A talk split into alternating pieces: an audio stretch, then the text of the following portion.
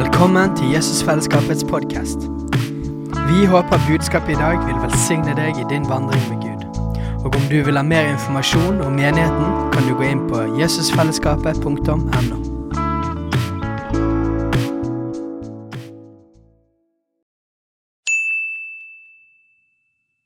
Hei! Visste du at Jesusfellesskapet starter en ny bibelskole til høsten?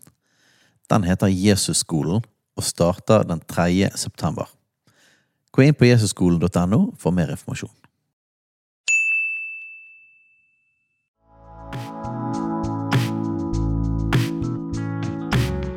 Velkommen til Jesusfellesskapets podkast. Vi håper budskapet i dag vil velsigne deg i din vandring med Gud. Og om du vil ha mer informasjon om menigheten, kan du gå inn på jesusfellesskapet.no.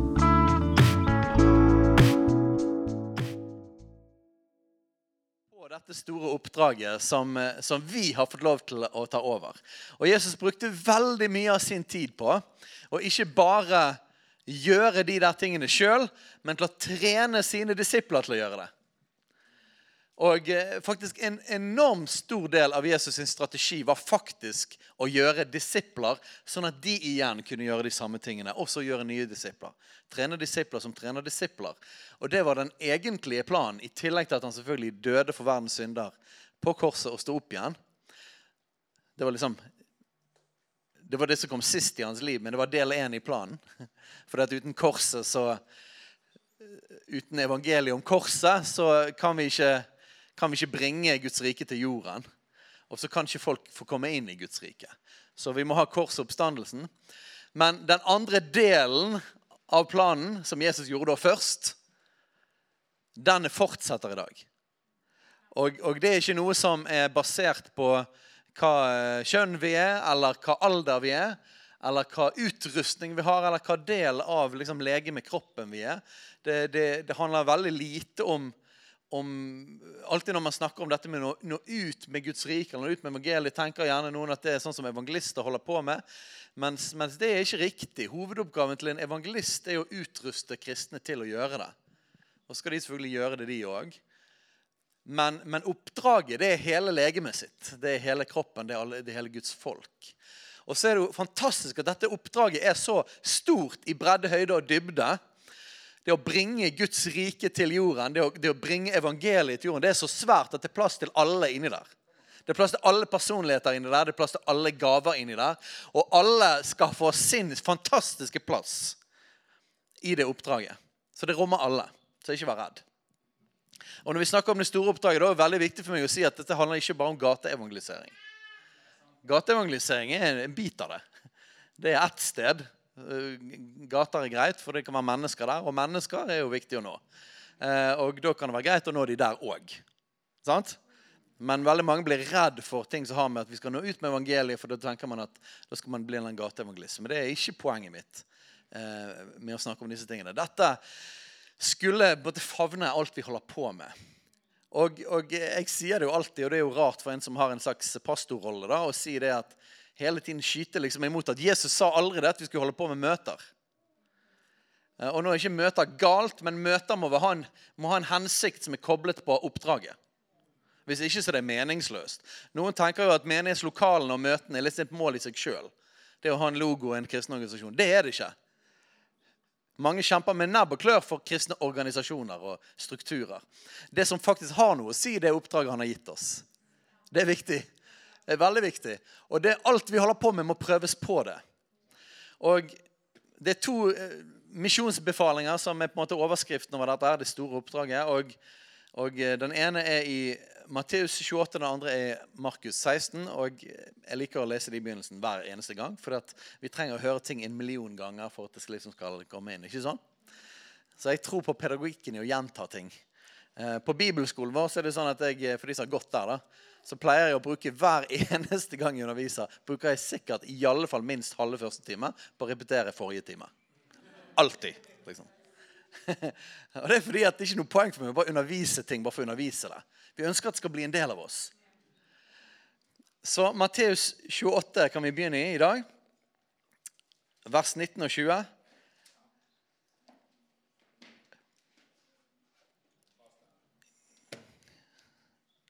Oh yeah. Gå derfor ut og gjør alle folkeslag til disipler. Idet dere døper dem til Faderens og Sønnens og Den hellige ånds navn, og lærer dem å holde alt det jeg har befalt dere, og se, jeg er med dere alle dager inntil verdens ende. Gå derfor ut. Det ikke, ligger ikke et alternativ der, men vi, vi, er kalt til å gå ut. Og, og, det betyr ikke Hva betyr ut? Hvor er ut? Eh, er det utenfor her? Er det ute i regnet? Er det til et annet land? Poenget, Fokuset der ligger ikke på hva geografisk sted vi snakker om, eller om det er ute eller inni. Men det er verden. Vi er kalt til verden og folket og landet og alt sammen. Vi, vi er kalt til å bringe evangeliet. Det er å gå ut. Og det, det, krever en eller annen type handling fra oss som er aktiv. For gå handler om er, aktivt. Gå er ikke å bare bli værende et sted, men det er å ut et eller annet sted. Så gå ut og gjør alle folkeslag til disipler. Disippel, Jeg elsker eh, ordet disippel. Og Det betyr en etterfølger av Jesus. Det betyr en som følger Jesus. Og eh, jeg merker for hver eneste setning jeg sier, så har jeg en fristelse til å gå langt inn i hver en av de setningene. Men det skal jeg ikke, for det kommer jeg aldri til det jeg skal snakke om. egentlig. Men disippel er bra. Etterfølger av Jesus. Vi er ikke kalt til å bare eh, være kirkegjengere. Vi er heller ikke kalt til hvis det er to liksom sånne typiske grøfter i kristenheten i dag. Vil jeg si at Enten så er det det å være en kirkegjenger, en som har vært kristen kjempelenge, men ikke nødvendigvis lever som en etterfølger av Jesus i hverdagen. Men man er liksom en del av systemet. Det er den ene, ene utfordringen. Andre utfordringen er at i evangelisering så er det veldig mye rekk opp en hånd og be en bønn. Og mindre fokus på å lære folk å følge Jesus. Og det er noe som jeg brenner veldig veldig, veldig for. At vi skal gjøre mer enn rekke opp en hånd og be en bønn-evangelisering. Vi skal lære folk å følge Jesus. Og Her står det at måten man gjør det, er primært to ting. Det er å døpe folk og lære folk. Så vi er kalt til å døpe folk og lære folk. Skal du døpe folk, så er det greit at de har hørt evangeliet først. Sant? For Det ser vi seinere i forhold til hvem som blir døpt. Så her er kortversjonen for Jesus. Men skal du døpe dem, så trenger de å først høre evangeliet. Og så trenger de å tro på evangeliet. Og så trenger de å vende om. Og så kan de bli døpt. Sant? Og når de blir døpt i vann, så er det bare å bli døpt i Den hellige ånd etterpå. Det er modellen som vi òg skal se videre på. Som jeg elsker å undervise om. Frelsespakken, eller grunnpakken. Eh, det er så viktig å få folk inn i disippelliv med en gang. Så, så, du gjør folk til disipler gjennom å døpe dem, men da trenger de òg evangeliet, og de trenger å tro og vende om og bli døpt i vann, og så bli døpt i Den hellige ånd. Så det er steg nummer én. Steg nummer to det er å lære dem. På engelsk står det 'teach them to observe'. Um, det greske ordet for lære er da sånn som det som oftest er i den hebraiske kulturen. Det er ikke liksom forelesning på universitetet. Læring. Det er læring gjennom liv og ord. Og Den eneste måten du kan lære folk, gjøre disipler, trene disipler, er at du lever det først sjøl, og så tar du folk med på det. Eh, ordet er òg en del av prosessen av disiplgjøring. Man man, man skal undervise og fortelle med ord, men det er inkorporert sammen med erfaring og trening og liv. Så nummer én døpe, nummer to lære. Så dette kan like gjerne kalles disippelgjøringsbefalingen. Og denne bønnemanualen handler veldig mye om den biten der. Fordi at eh, vi vil ikke bare være kirkegjengere, vi har lyst til å være disipler. Og så ønsker vi å lære å være disipler som kan gjøre nye disipler. Amen? Så i denne bønnemanualen, for de som ikke har hørt om den før, um, eller som er på besøk her i dag, alle kan selvfølgelig få lov til å henge seg på det, så er dette en praktisk hjelp til personlig liv med Jesus i hverdagen. Det er det det handler om. Og, og Jeg kan ikke ta hele den runden nå òg, men, men, det er sånn at for noen så kan det virke litt sånn her, ah, liksom, Det var noe voldsomt sånn her struktur på dette her. Så er det sånn at hvis du, du leser Bibelen, og du tilber Jesus, og du er i bønn um, og, og, og bruker masse tid på det, og sånne ting, og det funker helt supert, og dette liksom føles som en tvangstrøye, så ikke stress med å måtte gjøre dette. Det er ikke poenget. Eh, Du kan òg gjøre den her sinnssykt kjapt, og så kan du bruke to timer på å gjøre akkurat det du vil. Sammen med Jesus. Det er òg mulig. Men, men vit det at det er en veldig kamp rundt den personlige tiden med Jesus. Det fins ingenting Jeg er helt overbevist om dette. Det fins absolutt ingenting annet djevelen er mer opptatt av enn å røve den tiden fra kristne. Jeg tror det er det nummer én viktigste han kan gjøre. Det og så hindre folk å bli frelst. Det må være de viktigste tingene djevelen holder på med. Så det å røve oss vekk fra intimiteten er utrolig viktig. Hvorfor det? Jo, det er jo ikke det at vi ikke kommer til himmelen. For vi, så lenge vi tror på Jesus og er frelst, og nå, så er vi frelst. Vi kommer til himmelen. Men det hindrer oss i å leve fruktbart. For fruktbarhet kommer ut av intimitet med Jesus. Og det at vi lever fruktbart, at åndens frukter kommer ut av oss, det får stor effekt på verden. Og djevelen har lyst til å holde verden i mørket.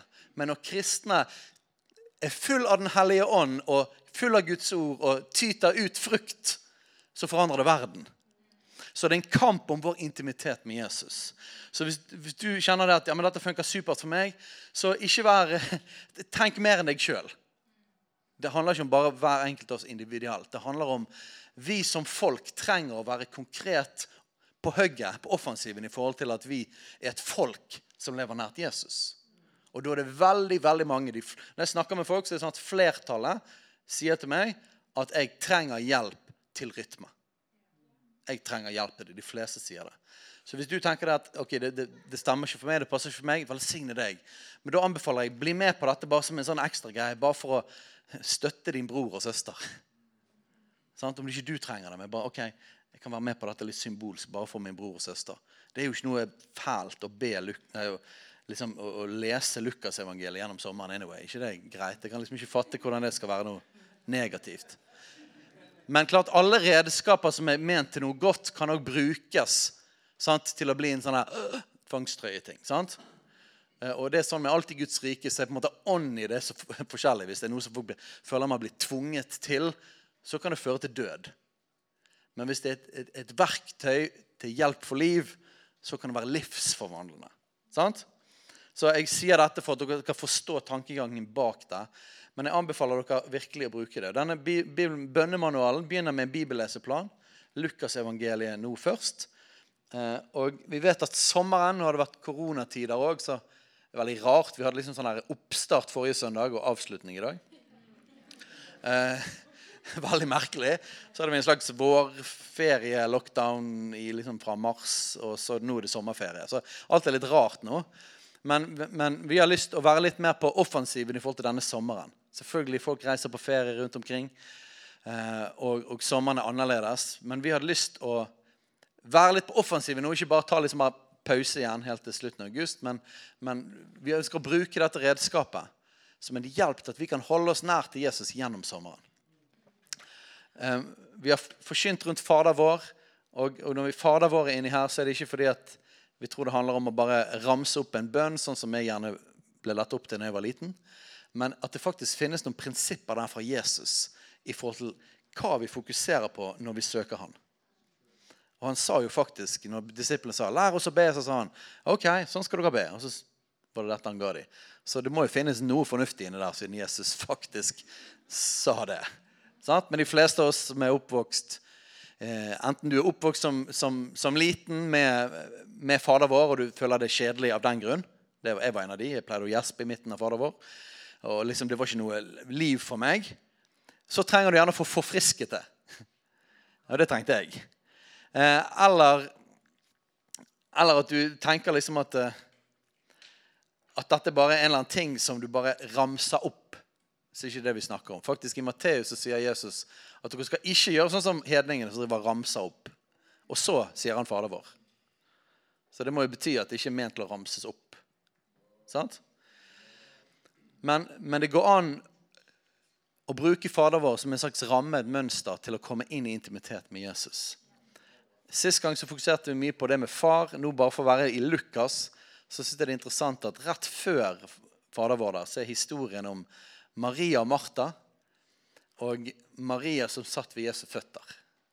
Og så Martha som strevde rundt med alt mulig. Og så sa Jesus at du gjør deg strev og uro med mange ting, men ett er nødvendig. Så det er en god link inn i intimitet med Jesus. ikke? For noen er dette ordet intimitet blir kanskje litt vel intimt. Um, jeg liker intime ord, men, men for du som syns det er litt for mye, så kan vi si fellesskap. Relasjon. Men bare si at det er, veldig, det er veldig teologisk riktig å si intimitet. Ordene som blir brukt i Bibelen, er, er rett og slett helt drøye når det gjelder akkurat dette. Det er faktisk helt sant. Det er det samme ordet som, som for det som man må gjøre for å få barn. Det er det samme ordet som blir brukt i Det gamle og nye testamentet for relasjon og intimitet med Gud. Og det fører til fruktbarhet. ikke det? Og Gud er ikke flau for sånt. Han skapte oss. OK. Amen. Så det var resymé igjen. Jeg klarer ikke å hoppe over uh, resymé, men nå kommer det som vi egentlig skal snakke om. Som er Lukas 10-modellen. Dette er rett og slett en, en, hjelp, en modell til å nå ut med evangeliet. Og eh, jeg har lurt på liksom, skal vi bruke den nå. Liksom, skal vi bare gjøre noe annet? Trenger vi noe sånt som det der? Men etter mye om og men og sagt med noen folk, så har vi funnet ut at nei, vet du hva? det er faktisk en sykt bra modell. Det er enkelt, det er simpelt, og det er right to the point. Og hvorfor ikke? Hvis dette kan hjelpe oss, så gjør vi det. Og Så hvis dere har en bibel, som jeg håper at du har, så kan du slå opp i Lukas 10.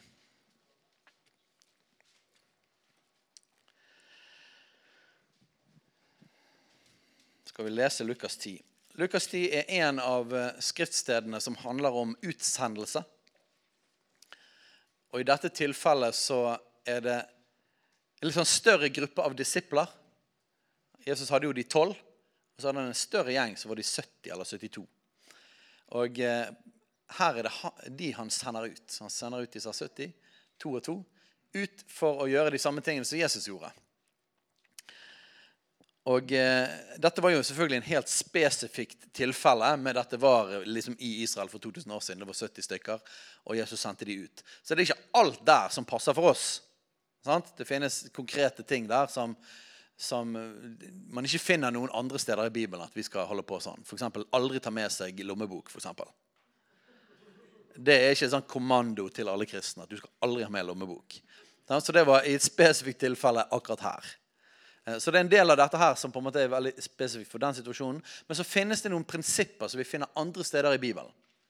Som vi òg ser her. Og det som vi ser andre steder i Bibelen òg, det som er røde tråder med hvordan gå ut med evangeliet, det tar vi vare på. Ok? Lukas 10, vers 1. Senere utpekte Herren 70 andre og sendte dem ut foran seg, to og to, til, hver, til hver by og til hvert sted hvor han selv skulle komme. Dette var jo spesifikt der og da. Han skulle dra dit etterpå. Men jeg tror veldig fint vi kan ta den profetiske og si det at eh, vi blir sendt ut dit som Jesus skal komme. Vi tror jo det at eh, det er ikke bare vi som skal gjøre noe. Vi, han er med oss alle dager inntil verdens ende. Han er med oss i oppdraget.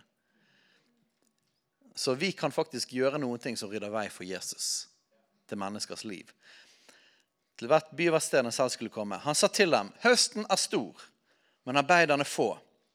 Be derfor høstens herre at han vil drive arbeidere ut til sin høst. Utropstegn. Jeg liker bønn. Vi hadde et helt år med fokus på bønn. Eh, men vi må forstå at dette verset om å be om at arbeidere skal bli sendt ut, kommer i konteksten av at de sjøl ble sendt ut.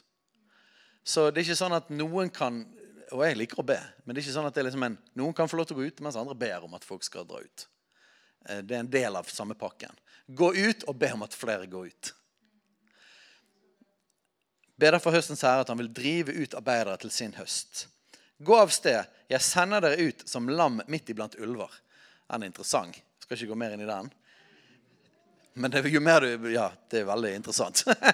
det er veldig merkelig, faktisk, det han sier der. Bær ikke pung eller skrappe, ikke sko. Det, vi har lov til å ha sko, altså. Men de skulle ikke ha det. Gi dere ikke snakk med folk langs veien. Det har vi òg lov til. Um, men når dere kommer inn i et hus, så si først 'Fred være med dette hus'. Og er det et fredens barn der, så skal deres fred hvile over han. Men hvis ikke skal han vende tilbake til dere. Bli i det huset og et og drikk det de byr dere. for arbeideren er sin lønn verdt. Flytt ikke fra hus til hus. Vi skal se litt mer på det etterpå. Når dere kommer inn i en by og dere tar imot dere, så kan dere ete det som blir satt fram for dere. Helbred de syke i byen, og si til dem Guds rike er kommet nær til dere. Guds rike er kommet nær til dere. Ok. Hold fingeren der, så skal jeg bare lese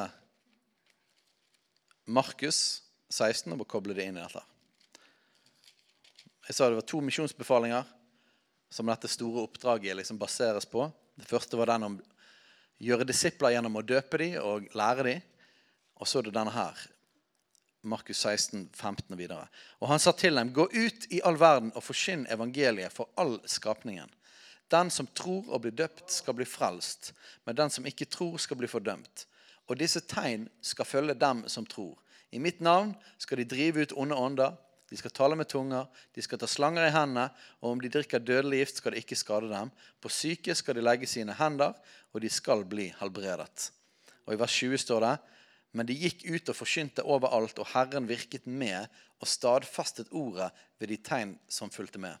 Så Markus 16 handler i stor grad om å forkynne evangeliet og demonstrere evangeliet. Forkynne evangeliet og demonstrere evangeliet. Ok. Lukas 10.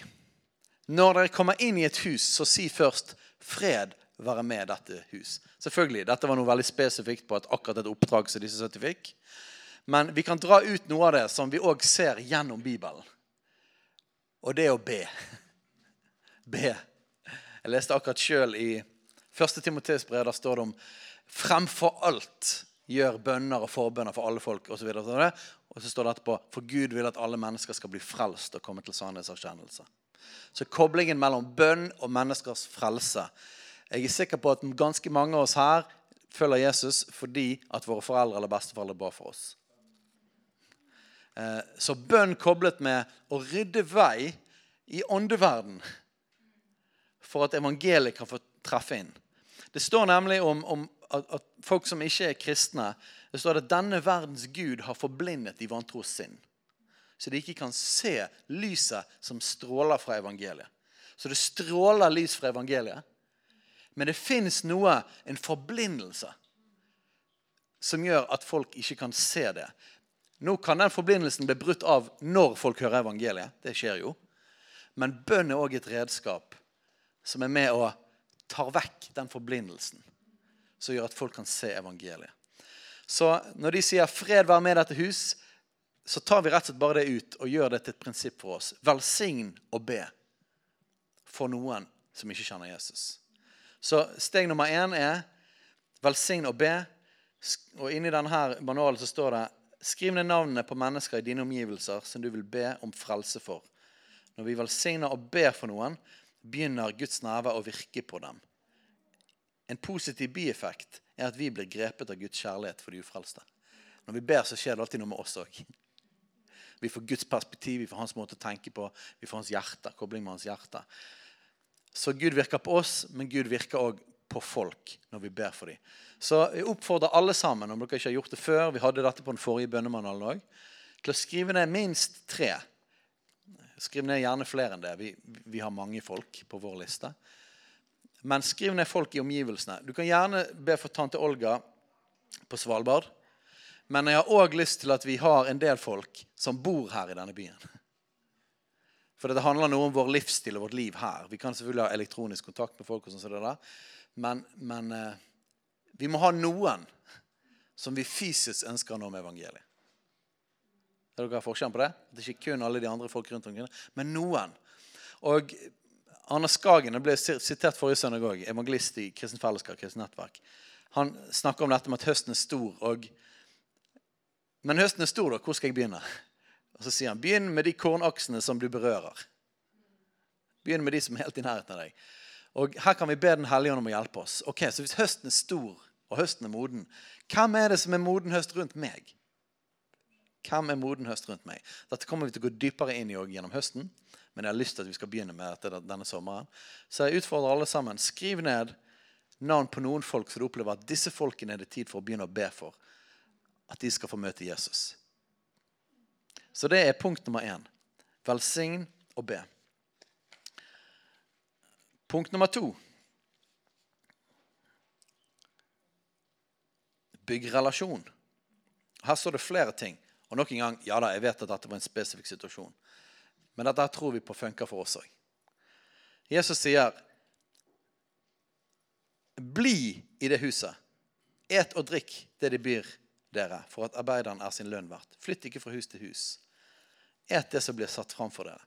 Så det er et element her av å bli og bygge relasjon. Og jeg tror på sommeren og så overalt. Så evangeliet over, så, så Guds rike overalt. Det er kjempebra. Det er vi kalt til òg.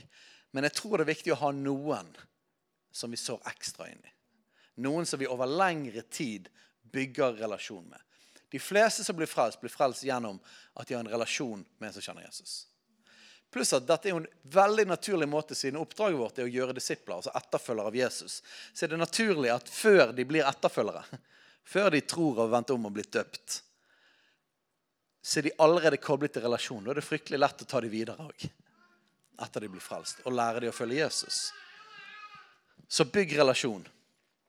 Her står det vi kan ikke bare be, vi må også handle på bønnene våre. Om de vi ber for, skal få møte Jesus, så trenger vi å ha kontakt med dem. Husk at det ikke er evangeliseringsprosjekter, men at relasjon er et mål i seg selv. Jeg, jeg har tro på det at hvis Jesus bor i meg, så får folk en erfaring av Guds rike med å bli kjent med meg. Og jeg trenger ikke stresse det engang. Jeg er en ambassadør for Jesus. Han bor i meg, og da vil det lekke ut noe Jesus fra meg. Hele grunnen til at Jesus kom, og det er grunnen til at det er viktig at vi ikke har det som prosjekter Det er en fin linje her mellom å ha prosjekt og å være intensjonell. Intensjonell er definitivt viktig. For at Jesus kom ikke til jorden bare sånn her fordi han, det bare skjedde organisk. Bare, han bare følte for en dag. Jesus kom med en veldig tydelig plan. Og vi har fått et plan, vi har fått et oppdrag. Og det oppdraget er på samme måte som Jesus. Så det er ikke bare sånn her, ja, ja, det er bare så naturlig å bare være med deg, derfor henger jeg med deg. Nei, det er en intensjon bak relasjonsbygging. Jeg personlig har ikke behov for flere venner. Min vennetank ble fylt opp for 15 år siden. Jeg trenger ikke en eneste person til. Men jeg bygger stadig nye relasjoner. Fordi at det har med oppdrag å gjøre. Og, hvis, og Intensjonen handler om at jeg gjør det fordi Jesus har sagt det. Og det er ikke det, er ikke det motsatte av kjærlighet at jeg, bryr, at jeg ikke bryr meg om folk. Det er faktisk grunnen til at jeg bygger relasjon med det, at jeg bryr meg mer om de enn meg sjøl. For at jeg har ikke behov for det, men de har behov for det. Derfor bygger jeg relasjon. Så det er en fin, det eneste forskjellen på at det er et prosjekt og du gjør noe med intensjon, er basically hjertet ditt. Hvis, liksom, hvis, du ikke har en god intensjon med det, hvis du ikke faktisk bryr deg om folkene, da blir det et prosjekt. Um, og da foreslår jeg å gå, gå, tilbake til start, til Gud, til far. og gå tilbake til bønn. Be for dem. Men vi oppfordrer alle bygg relasjon spesifikt. Vi kommer til å snakke litt om det på livestreamen gjennom sommeren. Hvordan du helt konkret kan bygge relasjon. Det er lite avansert, men det krever noe av hjertet vårt. Det krever noe av tiden vår. Å gjøre plass til flere folk. Å gjøre plass til folk som ikke kjenner Jesus, for at de kan få et møte med Jesus. Dette er en ting som vi har sykt mye jern i ilden med Katrine og familien. Men vi opplever at vi, vi kan ikke forsømme dette. At det må være en del av livet vårt. fordi at dette er oppdraget, ikke det? Hvordan kan vi gjøre disipler hvis ikke vi tar tid til nye folk? Hvordan Er dere med? Så jeg håper dette griper hjertet ditt, at det ikke bare blir for det Steinar sier eller ja, jeg vet det sånn, og dårlig samvittighet. Sant? Men fordi at vi elsker Han, og fordi vi har lyst til å gjøre det Han sier, så ønsker vi å gjøre plass til dette. Men dette er veldig naturlig. Hvis vi ber først, så er det et godt første steg. Og så neste steg er ok, hvordan kan jeg konkret begynne å bygge relasjon. Og det trenger ikke være veldig veldig avansert. Her er tips til relasjonsbygging. Ta en kaffe for de som liker det. Pepsi Max for oss, da. Inviter på middag. Det krever mer, men det er, ikke, det er ikke avansert. Det er ikke sånn at du må snakke om Jesus heller. Du kan faktisk bare ha det på middag. Det er lov. Bygg relasjon. Be for folk, bygg relasjon. Tilby praktisk hjelp. Bake boller til kolleger. Og mye annet. Bygg relasjon med intensjon. Det neste, neste steget er demonstrere evangeliet. I vers 9 i Lukas 10 så står det 'helbred de syke i byen'. Helbred de syke i byen. Den mest Jeg tror alle kristne i Norge ville sagt at ja, bake boller til, til, til naboer. Yes, det går jeg for. Og det syns jeg er veldig bra. Jeg synes Det er helt supert. Jeg, tror kan, Det er utrolig mye vi kan gjøre for å demonstrere Guds godhet. Eh, men det er klart at alle de tingene bare for å si det, alle de tingene som er veldig akseptert blant kristne, de står det ingenting om i Bibelen. Det er det vi som har lagt til. Det som står nå i Bibelen, er basically helbrede syke og kaste ut onde ånder. Okay?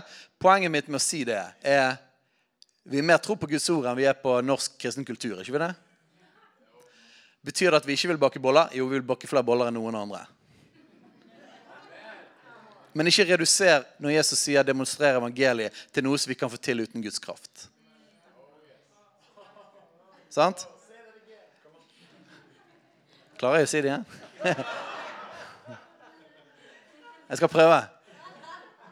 Bak masse boller, men ikke reduser det å demonstrere Guds rike til noe du kan få til uten Guds kraft. Sånn er det, for vi kommer fra et annet rike. Og det riket skal bryte inn i denne verden. Så kraftdimensjonen er utrolig viktig. Profetiske ord, kunnskapsord, helbrede de syke, vekke opp døde. Det er jo interessant. Det står ingenting liksom om Betal for de som står foran deg i kassen. Jeg tror veldig på det. Det står det om. Men det står 'vekk opp døde'.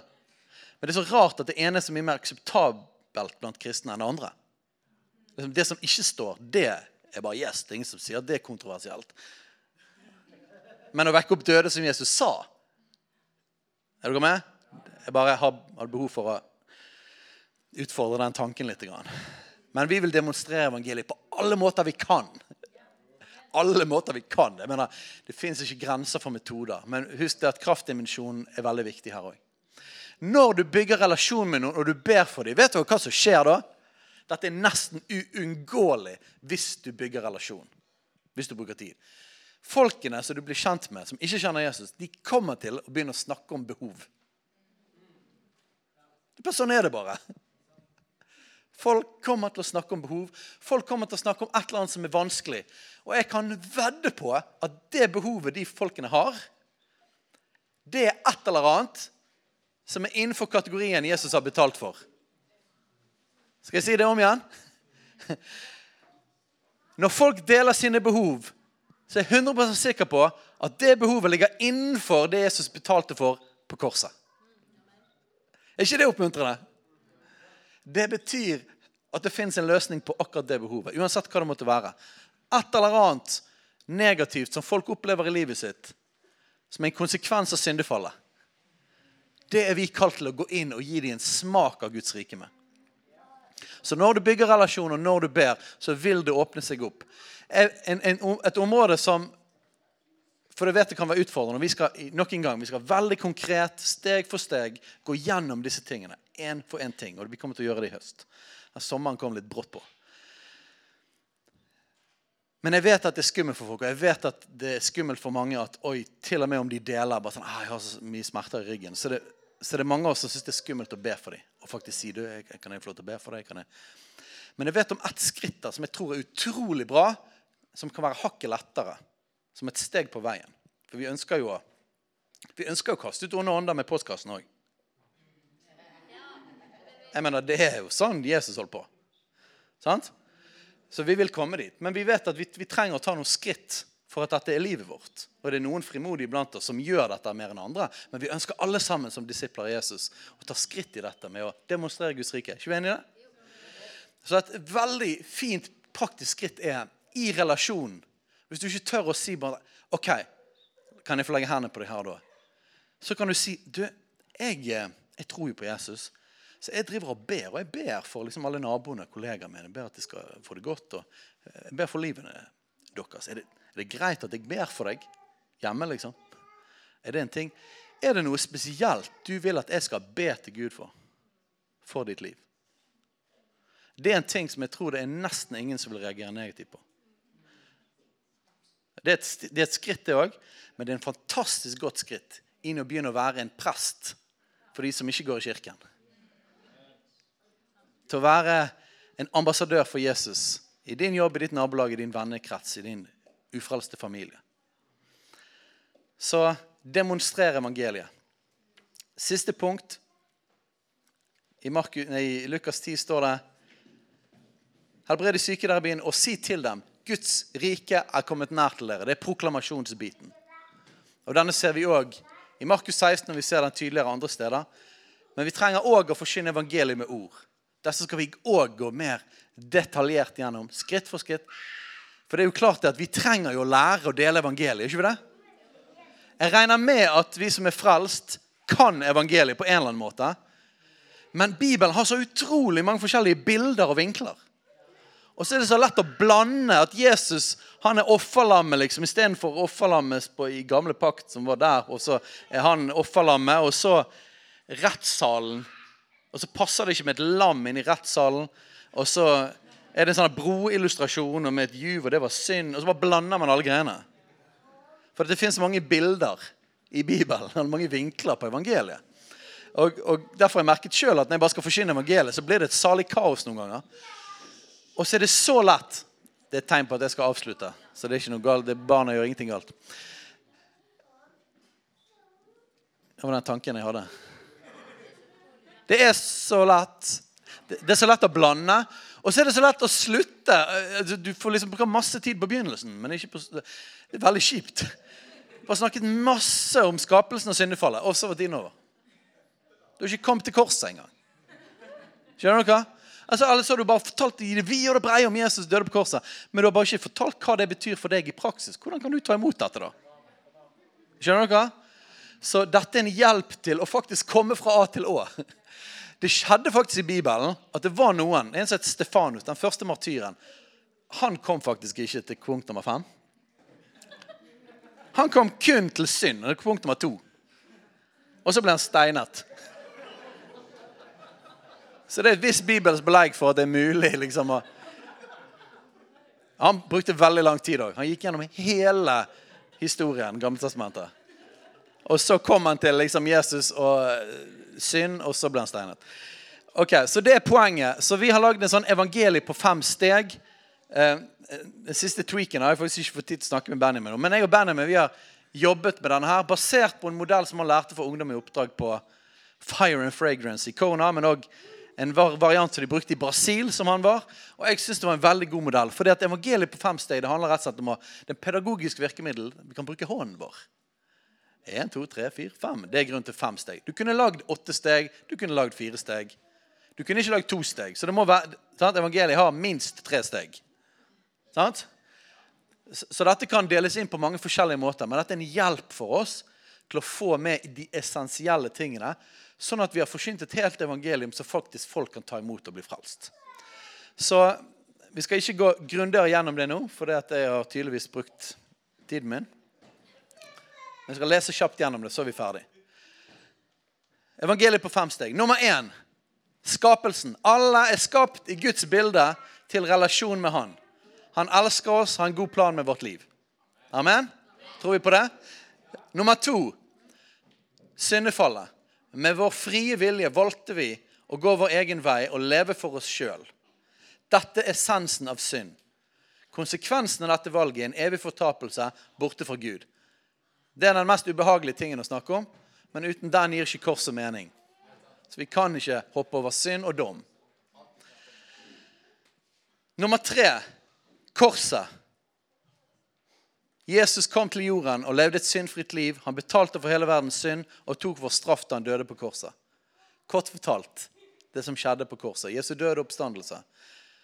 Nummer, eh, nummer fire tro og omvendelse. Vi har mulighet til å ta imot det Jesus gjorde på korset, ved å tro og vende om. Dette betyr å erkjenne at jeg har syndet, ta imot tilgivelse og overgi hele livet mitt til Jesus og følge han.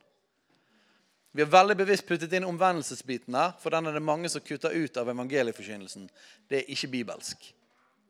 Og Det som skjer i et postmoderne samfunn, er at folk prøver å putte Jesus på toppen av et liv som de vil ønske å leve sjøl. Du blir ikke frelst av det. Det er problemet.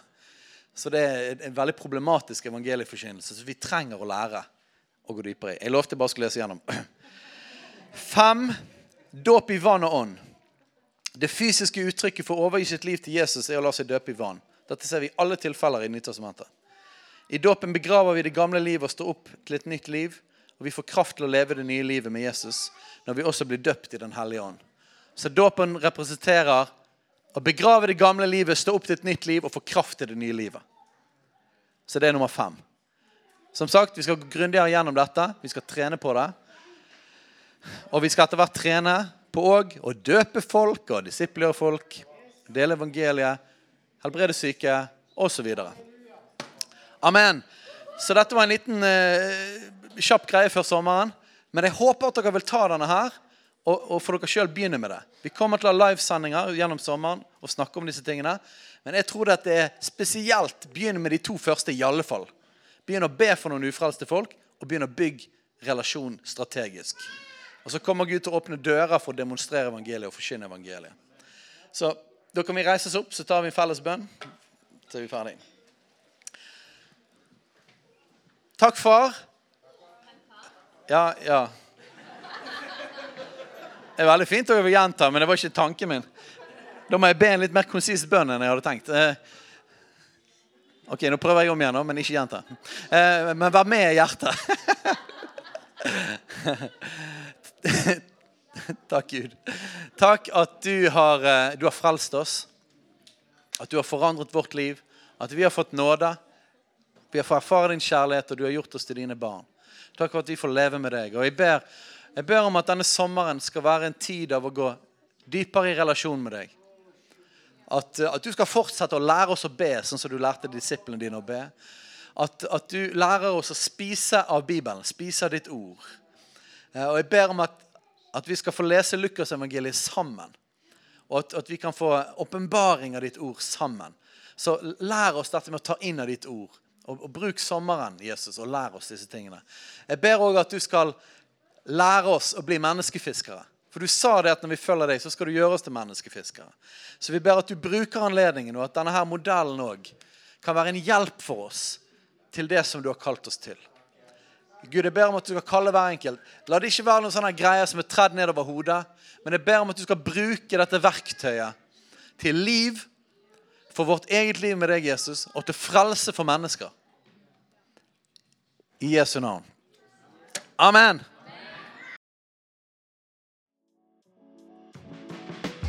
Hei, alle sammen. Det er Katrine og Steinar Lofnes her. Vi er hovedledere for Jesusfellesskapet. Så kjekt du har lyttet til denne podkasten. Har du forresten hørt noen av de andre podkastene våre? Ukens tale, Disippelskolen, Hyrdepodden, Kulturkrigen og Mammas hjerte. Du finner disse podkastene på Spotify, Apple Podkaster og på nettsiden vår jesusfellesskapet.no.